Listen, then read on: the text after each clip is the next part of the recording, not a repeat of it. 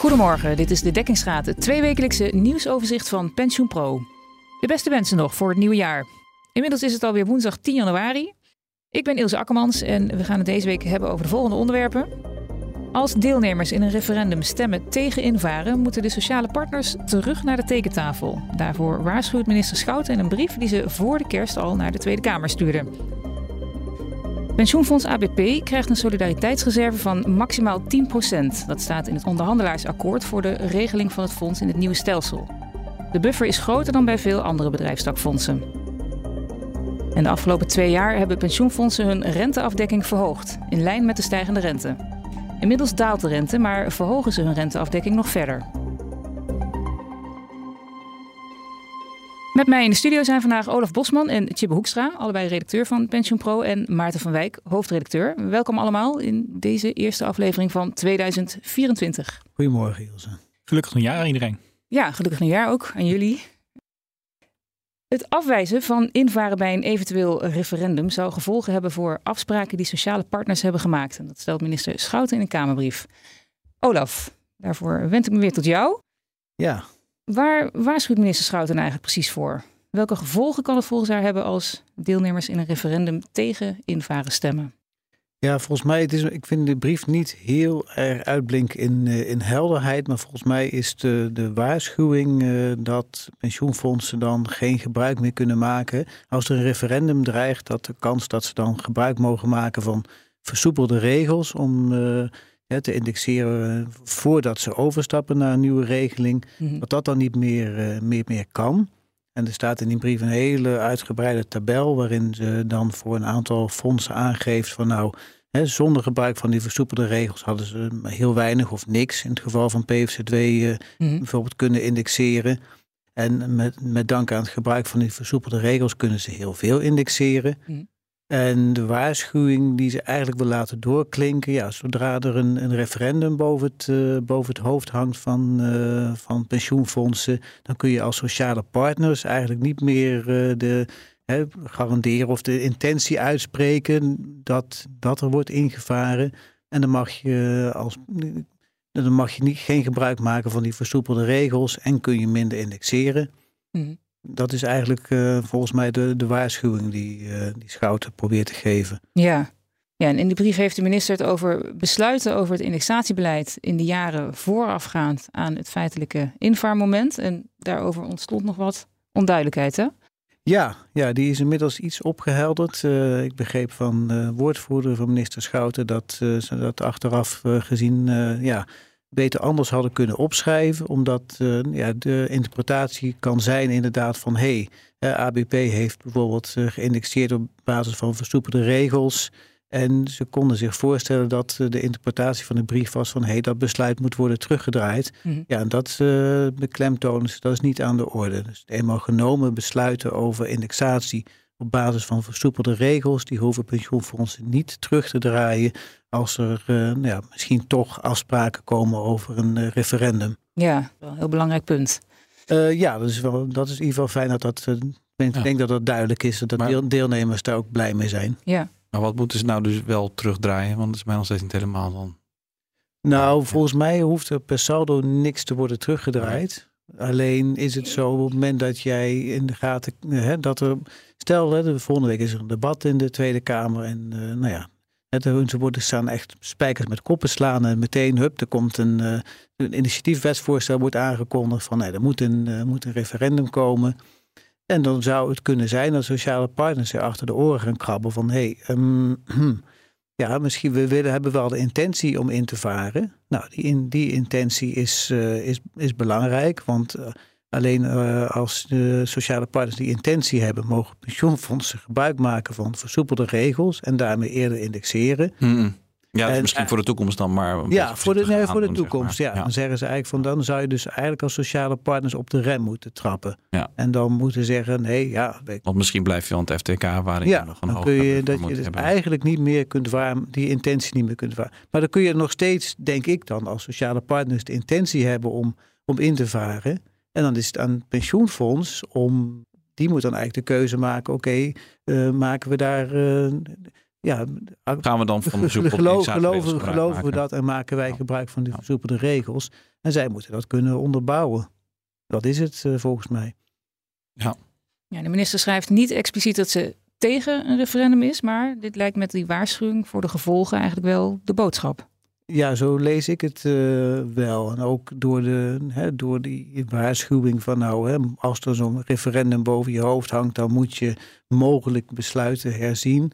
Dat neemt ook al, vind ik, een voorschot op hoe je dan zo'n referendum eh, vormgeeft. En ja, ik, ik, ik, ik vond dat een opmerkelijke, of de opmerkelijk, dat had ook explicieter kunnen zijn van, hè, nou, ik ben er eigenlijk tegen. Hm. Maar misschien dacht de minister van, ja, daar, daar ga ik eigenlijk niet over. Dat is uiteindelijk aan de, aan de Tweede Kamer eh, om daar iets over te, te vinden. Ja, Er ligt nu een wetsvoorstel en daar komt een referendum, of er ligt een wet waar een referendum helemaal geen plek in, eh, in heeft. Er moet, eh, nou ja, voorlopig is er nog niks eh, veranderd, er per saldo nog niks. ja, maar dat moet allemaal nog blijken natuurlijk Ja. de komende weken. De minister heeft ook in de brief toegezegd dat leden in de Eerste en Tweede Kamer vertrouwelijk inzage kunnen krijgen in de juridische adviezen die de regering over invaren heeft ingewonnen. Eh, Het gaat dan over adviezen tussen 2011 en 2020. Over die adviezen hebben we het in de vorige podcast ook gehad. Hè? Maar nou ja, als ze nu dus vertrouwelijk inzage krijgen, dan worden ze nog steeds niet openbaar. Nee, en dat eh, vindt NSC, in elk geval NSC, dus de partij van Pieter Omzicht en actuaris Agnes- Jozef, een eh, probleem. Mhm. Want als je iets vertrouwelijk inzicht dan in, in kunt zien, dan is hun vraag van ja, hoe kun je die informatie die dan in die adviezen staat gebruiken in een debat? Dus dat willen zij, dat hebben ze aan de minister gevraagd. Ja, het liefst eh, wil NSC gewoon dat alle adviezen openbaar zijn. Ja. Is er duidelijk waarom de minister ze niet openbaar maakt? Ja, dat is toch gewoon de beleidslijn eh, die eh gold tot volgens mij 2021. Dat alle adviezen van de landsadvocaat en eigenlijk volgens mij alle adviezen die ze dan extern inwinnen gewoon eh, geheim blijven. Ja. En dus, dus sinds een paar jaar is, er dan, is, het dan wel, is het dan beleid om de adviezen in principe wel openbaar te maken. Ja, die, de waarschuwing in de Kamerbrief van Schouten die heeft in de sector ehm, ja, de nodige ophef veroorzaakt. Kun je daar wat over zeggen? Ja, sociale partners hebben de, zeg maar, tegelijk dat eh, zo'n beetje op het moment dat Schouten die brief naar de Kamer stuurde, ook een brief eh, gestuurd waarin ze zeggen dat ze bang zijn dat het transitieproces eh, verstoord wordt en dat het onrust geeft. En Mhm. ja, volgende week woensdag is er een debat in de Tweede Kamer. Nou, die heeft, de pensioenfederatie heeft al een, nu een standpuntnotitie of een bijdrage, een inhoudelijke bijdrage daarover op papier gezet. Mhm. Waarin ze eigenlijk dezelfde waarschuwing doen van nou nee, dit, de, sector heeft rust en ruimte nodig. En eh, nou ja, het, dat er een, bijvoorbeeld een referendum komt, dat geeft allemaal eh, onrust. En dat kan een mogelijk eh, kan een transitieproces verstoren. En dat is eigenlijk onwenselijk, vindt de federatie. Ja, Maar dan toch, hè, over, over dat, als dan eigenlijk die waarschuwing van Schouten gelezen moet worden als van ja, als er een referendum soort van boven de markt hangt, ja, dan kan je natuurlijk niet meer ehm, ja, zo ruim gaan indexeren als je dat eh, met die, eh, met die eh, versoepelde indexatieregels kon. Hè? Want je moet er ook rekening mee houden dat je natuurlijk een negatieve uitslag hebt met je referendum en dat je weer terug naar het FTK moet. Maar anderzijds de grote bulk van die indexaties hebben we natuurlijk ook wel gehad. En we hebben die 10% of die 15% of het het is allemaal gegeven. Nu is de inflatie weer wat lager. Ja, Eh, de dekkingsschalen zijn ook weer niet zo, eh, ook weer een stuk beperkter. Bijvoorbeeld ABP en zo, die grote fonds zitten net boven de 110. Dus ja, hoe erg is het nu als je weer wat minder eh, gebruik kan maken van die versoepelde indexatieregels? ja, dat is een goede vraag. Ja, ik, kan, ik denk dat het psychologisch wel van belang is. Kijk, als jij onder de, de, de FTK-regels zonder versoepeling mag je pas indexeren als je bij een 110, dekking van ja. 110 Ja, ja, dus is het nou, anders is het vanaf 105 procent. En als je op, dus zonder die versoepeling moet je ook de toekomst bestendig kunnen doen. Dus wat je nu aan inflatie de correctie geeft, de indexatie geeft, moet je eigenlijk moet je elk jaar Nou ja, opnieuw, ze opnieuw kunnen nog wel doen. doen. Hè? Volgens mij het verhaal alleen maar ze moeten terughoudender zijn. Je moet er rekening mee houden. Dat, ja, Ja, er staat gewoon, het is alleen, strikt genomen kun je als sociale partners in principe de intentie hebben. Dan kun je als pensioenfonds denken, oh, nou, dan mag ik gebruik maken van die versoepelde regels. En er is er feitelijk niet zoveel aan de, aan de hand, denk ik. nee. Maar Ja, en er is ondertussen nog veel onzekerheid over de vraag of er nog wijzigingen in, het nieuwe, of in de nieuwe pensioenwet komen en welke dat dan zijn. Je had het net al even over het debat volgende week woensdag. Ja. Ehm, denk je dat het meer duidelijkheid kan opleveren? Dan zal het in ieder geval duidelijk zijn uh, ja, hoe standvastig bijvoorbeeld uh, NSC is en hoeveel bijval NSC krijgt voor uh, hun wens wat te sleutelen aan de, aan de pensioenwet. Mm En of dat dan voldoende is voor een, voor een meerderheid. Het zou mij verbazen als de, de, NSC, met name dan Agnes Jozef, een nieuwe pensioenwoordvoerder, ja, die heeft op de dag van de beëdiging al meteen de, de, ja, dus duidelijk gemaakt van nou, ik wil iets, iets veranderen. Dat ze dan nu opeens, uh, dat, ze, dat ze dan uh, een maand lang hard heeft geblaft, bij wijze van spreken. En dat ze dan niet doorbijten. Dat kan ik me niet voorstellen. Maar goed, om echt te kunnen doorbijten, heeft NSC wel no steun nodig van andere partijen. Nou, ik denk dat de PVV uh, die zou geven, BBB, SP. En dan misschien ook nog wel wat andere. Er zou best een meerderheid voor, voor kunnen zijn. Ja. Maar ja, goed, ja, dat, ik heb geen idee hoe het volgende week gaat lopen. Ik ben wel heel benieuwd. Spannende dag. Dus. Ja. Dankjewel, Olaf. Ons tweede onderwerp van vandaag. Pensioenfonds ABP krijgt een solidariteitsreserve van maximaal 10%. Die buffer is groter dan bij veel andere bedrijfstakfondsen. Maarten, ja, even voor de volledigheid. Als een fonds een solidariteitsreserve aanhoudt, dan kan het deelnemers en gepensioneerden van het fonds laten delen in financiële mee- of tegenvallers. Als ik het zo omschrijf, klopt dat dan? Ja, nou ja, die, het is in ieder geval bedoeld om een om klappen op te vangen. Hè. Ehm, mhm. En ja, hoe je het gebruikt, dat wisselt een beetje. Dat kunnen fondsen ook zelf. En dat, daar zijn ook die soort plannen die ze nu schrijven voor bedoeld om, om, om onder meer te bepalen hoe je die buffer gebruikt. Um, nou, veel fondsen gebruiken iets dat heet uh, de ORTEC-methode. Um, en dat betekent dat als bijvoorbeeld als je een neergang hebt op de beurs, dat je van die solidariteitsreserve in de eerste plaats gebruikt om de uitkeringen op peil te houden. Voorkomen dat je daar moet gaan zitten korten. Mm Um, dat is slimmer dan dat je iedereen gaat aanvullen, want dan is die buffer snel leeg. En als je alleen de gepensioneerden dan zeg maar tijdelijk uh, daarmee helpt, dan nou, dat werkt beter. Dat is allemaal ja. uitgerekend. Um, je gebruikt hem ook um, als bijvoorbeeld de levensverwachting daalt voor iedereen. Kan je dat, uh, kan je dat opvangen? Uh, het kan ook zijn als je bijvoorbeeld een operationeel probleem hebt, een soort onverwachte rekening die je moet betalen. Er is misschien een fout gemaakt bij het in, verdelen van de, bij het invaren bijvoorbeeld. Hm. Zou zelfs kunnen. Dan heb je in principe een operationele reserve voor. Maar als die leeg is, dan ga je die weer aanvullen uit de solidariteitsreserve. Dus het heeft dus een soort buffer met meerdere functies. Ja. Pensioenfonds ABP zet de solidariteitsreserve op maximaal 10%. Waarom kiest het fonds voor een relatief hoge maximale buffer? Ja, nou ja, ze zeggen zelf dat het eigenlijk een functie is van um, ja, een soort paar criteria en omstandigheden. En dan ga je wat rekenen en dan, nou, dan blijk je, kom je op een soort optimaal getal uit. Nou, dat is dan in dit geval dan blijkbaar 10. Eén reden is dat de ABP heeft gezegd: wij willen echt uh, veel zekerheid over de uitkering. We willen echt geen kortingen. Uh, dat, schijnt, dat hebben ze uitgevraagd bij deelnemers, sociale partners. Uh, voelen dat ook zo. Dus nou ja, meer, meer zekerheid heb je ook een hogere buffer nodig. Uh, een andere is dat het ABP een relatief oud fonds is, met relatief veel gepensioneerden. En dus je hebt meer gepensioneerden die je moet beschermen, dus heb je ook meer buffer nodig. Mhm. Tegelijkertijd nemen ze relatief veel risico in de beleggingen. Dus de kans dat je een neergang hebt, dat je iets te compenseren hebt, is dus ook weer groter. Dus dan heb je ook weer al een grotere buffer nodig.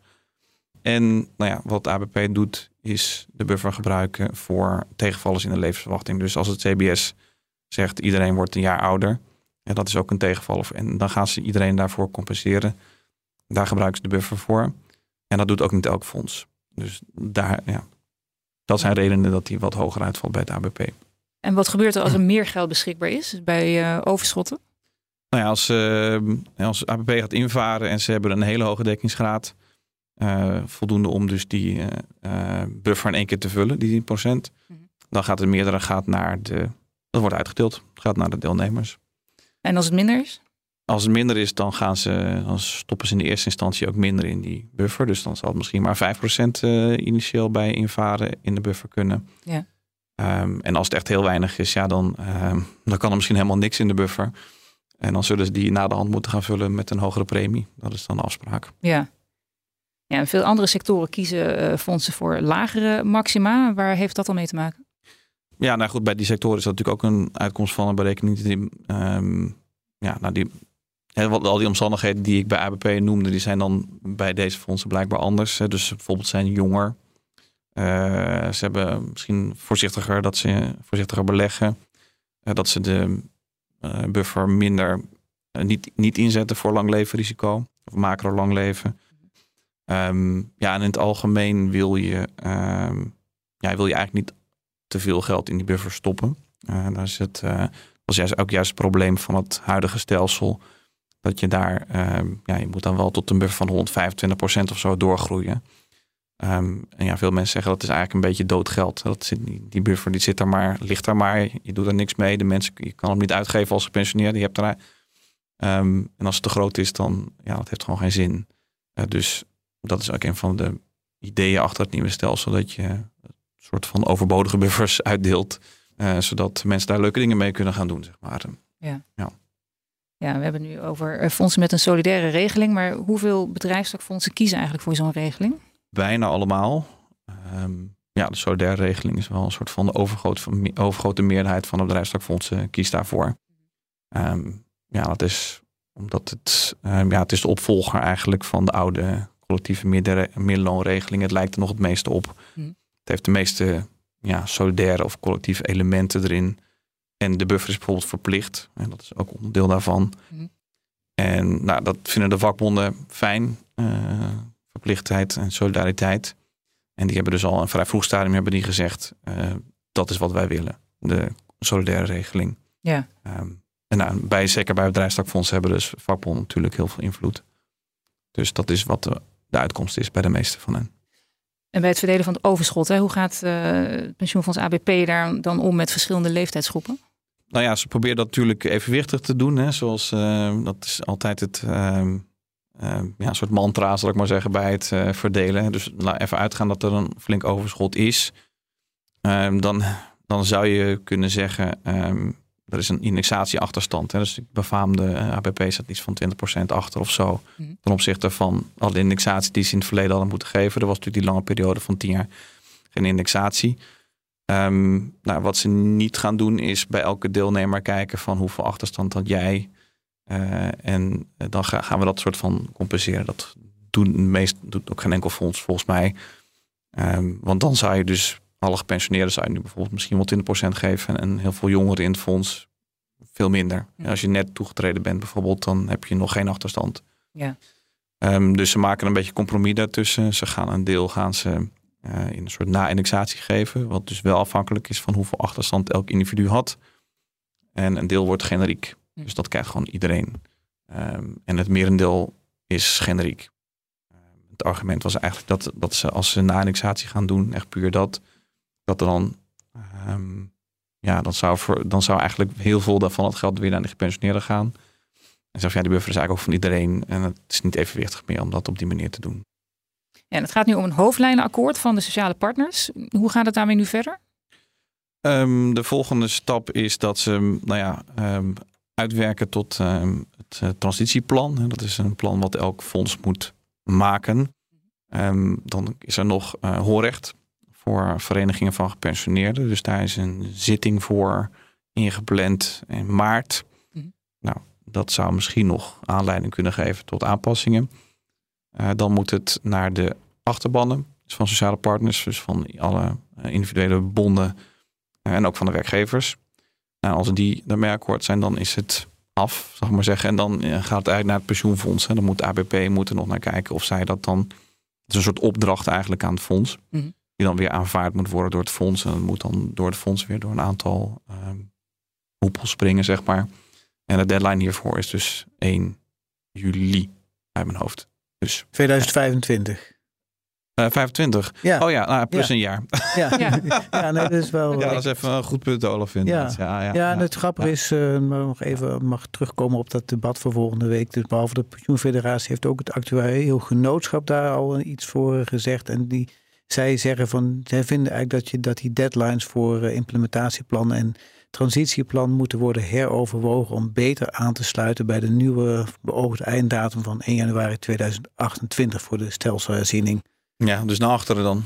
Naar achteren, ja, dat is dan inderdaad naar achteren. Dus uh, nou ja, ik ben benieuwd of dat, uh, ja. dat nog enig. maar er ja. zijn ook best wel een hoop fondsen. Nou ja, al behoorlijk ver op streek. Ja, dus ik vraag me af of dat nodig eh, is. Het, het verbaast mij ook, want als je dat gaat doen, dan krijg je ook weer gedoe met het geld van Europa, omdat dat is gekoppeld aan die eh tijdig Ja, maken van ja. trans- transitieplannen en implementatieplannen. Dus voorlopig staat het gewoon eh, de deadline voor het implementatieplan op 1 juli 2025 en moet 1 januari 2000 1 januari 2025 moet het eh, transitieplan klaar zijn. Ah, Oké, dat sorry. Nou, Ja. dan eh, zal ik eventjes... eh Ja. Wat, ja, dat is... uiteraard een ingewikkeld stroomschema is het eh, soms. eh, Ja. Ja. Dank jullie wel, Maarten en Olaf. Dan gaan we naar ons derde onderwerp. De afgelopen twee jaar hebben pensioenfondsen hun renteafdekking verhoogd, terwijl de rente stegen. Inmiddels daalt de rente, maar verhogen ze hun renteafdekking nog verder. Tjibbe, we hebben het in deze podcast eerder gehad over renteafdekking. Ja, voor wie dat misschien niet meer zo in zijn geheugen heeft, kun je nog eens uitleggen waarvoor renteafdekking ook alweer bedoeld is. Nou, pensioenfondsen die hebben um, een pensioenvermogen. Dus het vermogen dat ze onder beheer hebben. En daarnaast hebben ze ook verplichtingen. Mhm. Dat zijn de pensioenuitkeringen die ze in de toekomst moeten doen. En dat laatste, ja, dat hangt heel erg af van de stand van de rente in het huidige stelsel. Mhm. Want hoe hoger die rente is, hoe minder geld ze in kas hoeven te hebben om aan hun verplichtingen te kunnen voldoen. Ja, dus dat verklaart dat die dekkingsgraden de afgelopen jaren zo gestegen zijn, terwijl de vermogens van de pensioenfondsen juist gedaald zijn. Pensioenfondsen hebben dus heel veel baat bij een stijgende rente. En ze hebben last van een dalende rente. Daarom dekken ze allemaal in elk geval deels hun renterisico af. Ja. Dat doen ze meestal via derivaten of via staatsobligaties. Ja, en nu daalt de rente, maar toch verhogen pensioenfondsen hun renteafdekking nog verder. Waarom doen ze dat? Maar de belangrijkste reden is dat eh, pensioenfondsen hun dekkingsgraad willen beschermen in aanloop naar het invaren naar het nieuwe stelsel. Mhm. Ze willen dat liefst met zo hoog mogelijke, dek- hoog mogelijke dekkingsgraad doen. Ja.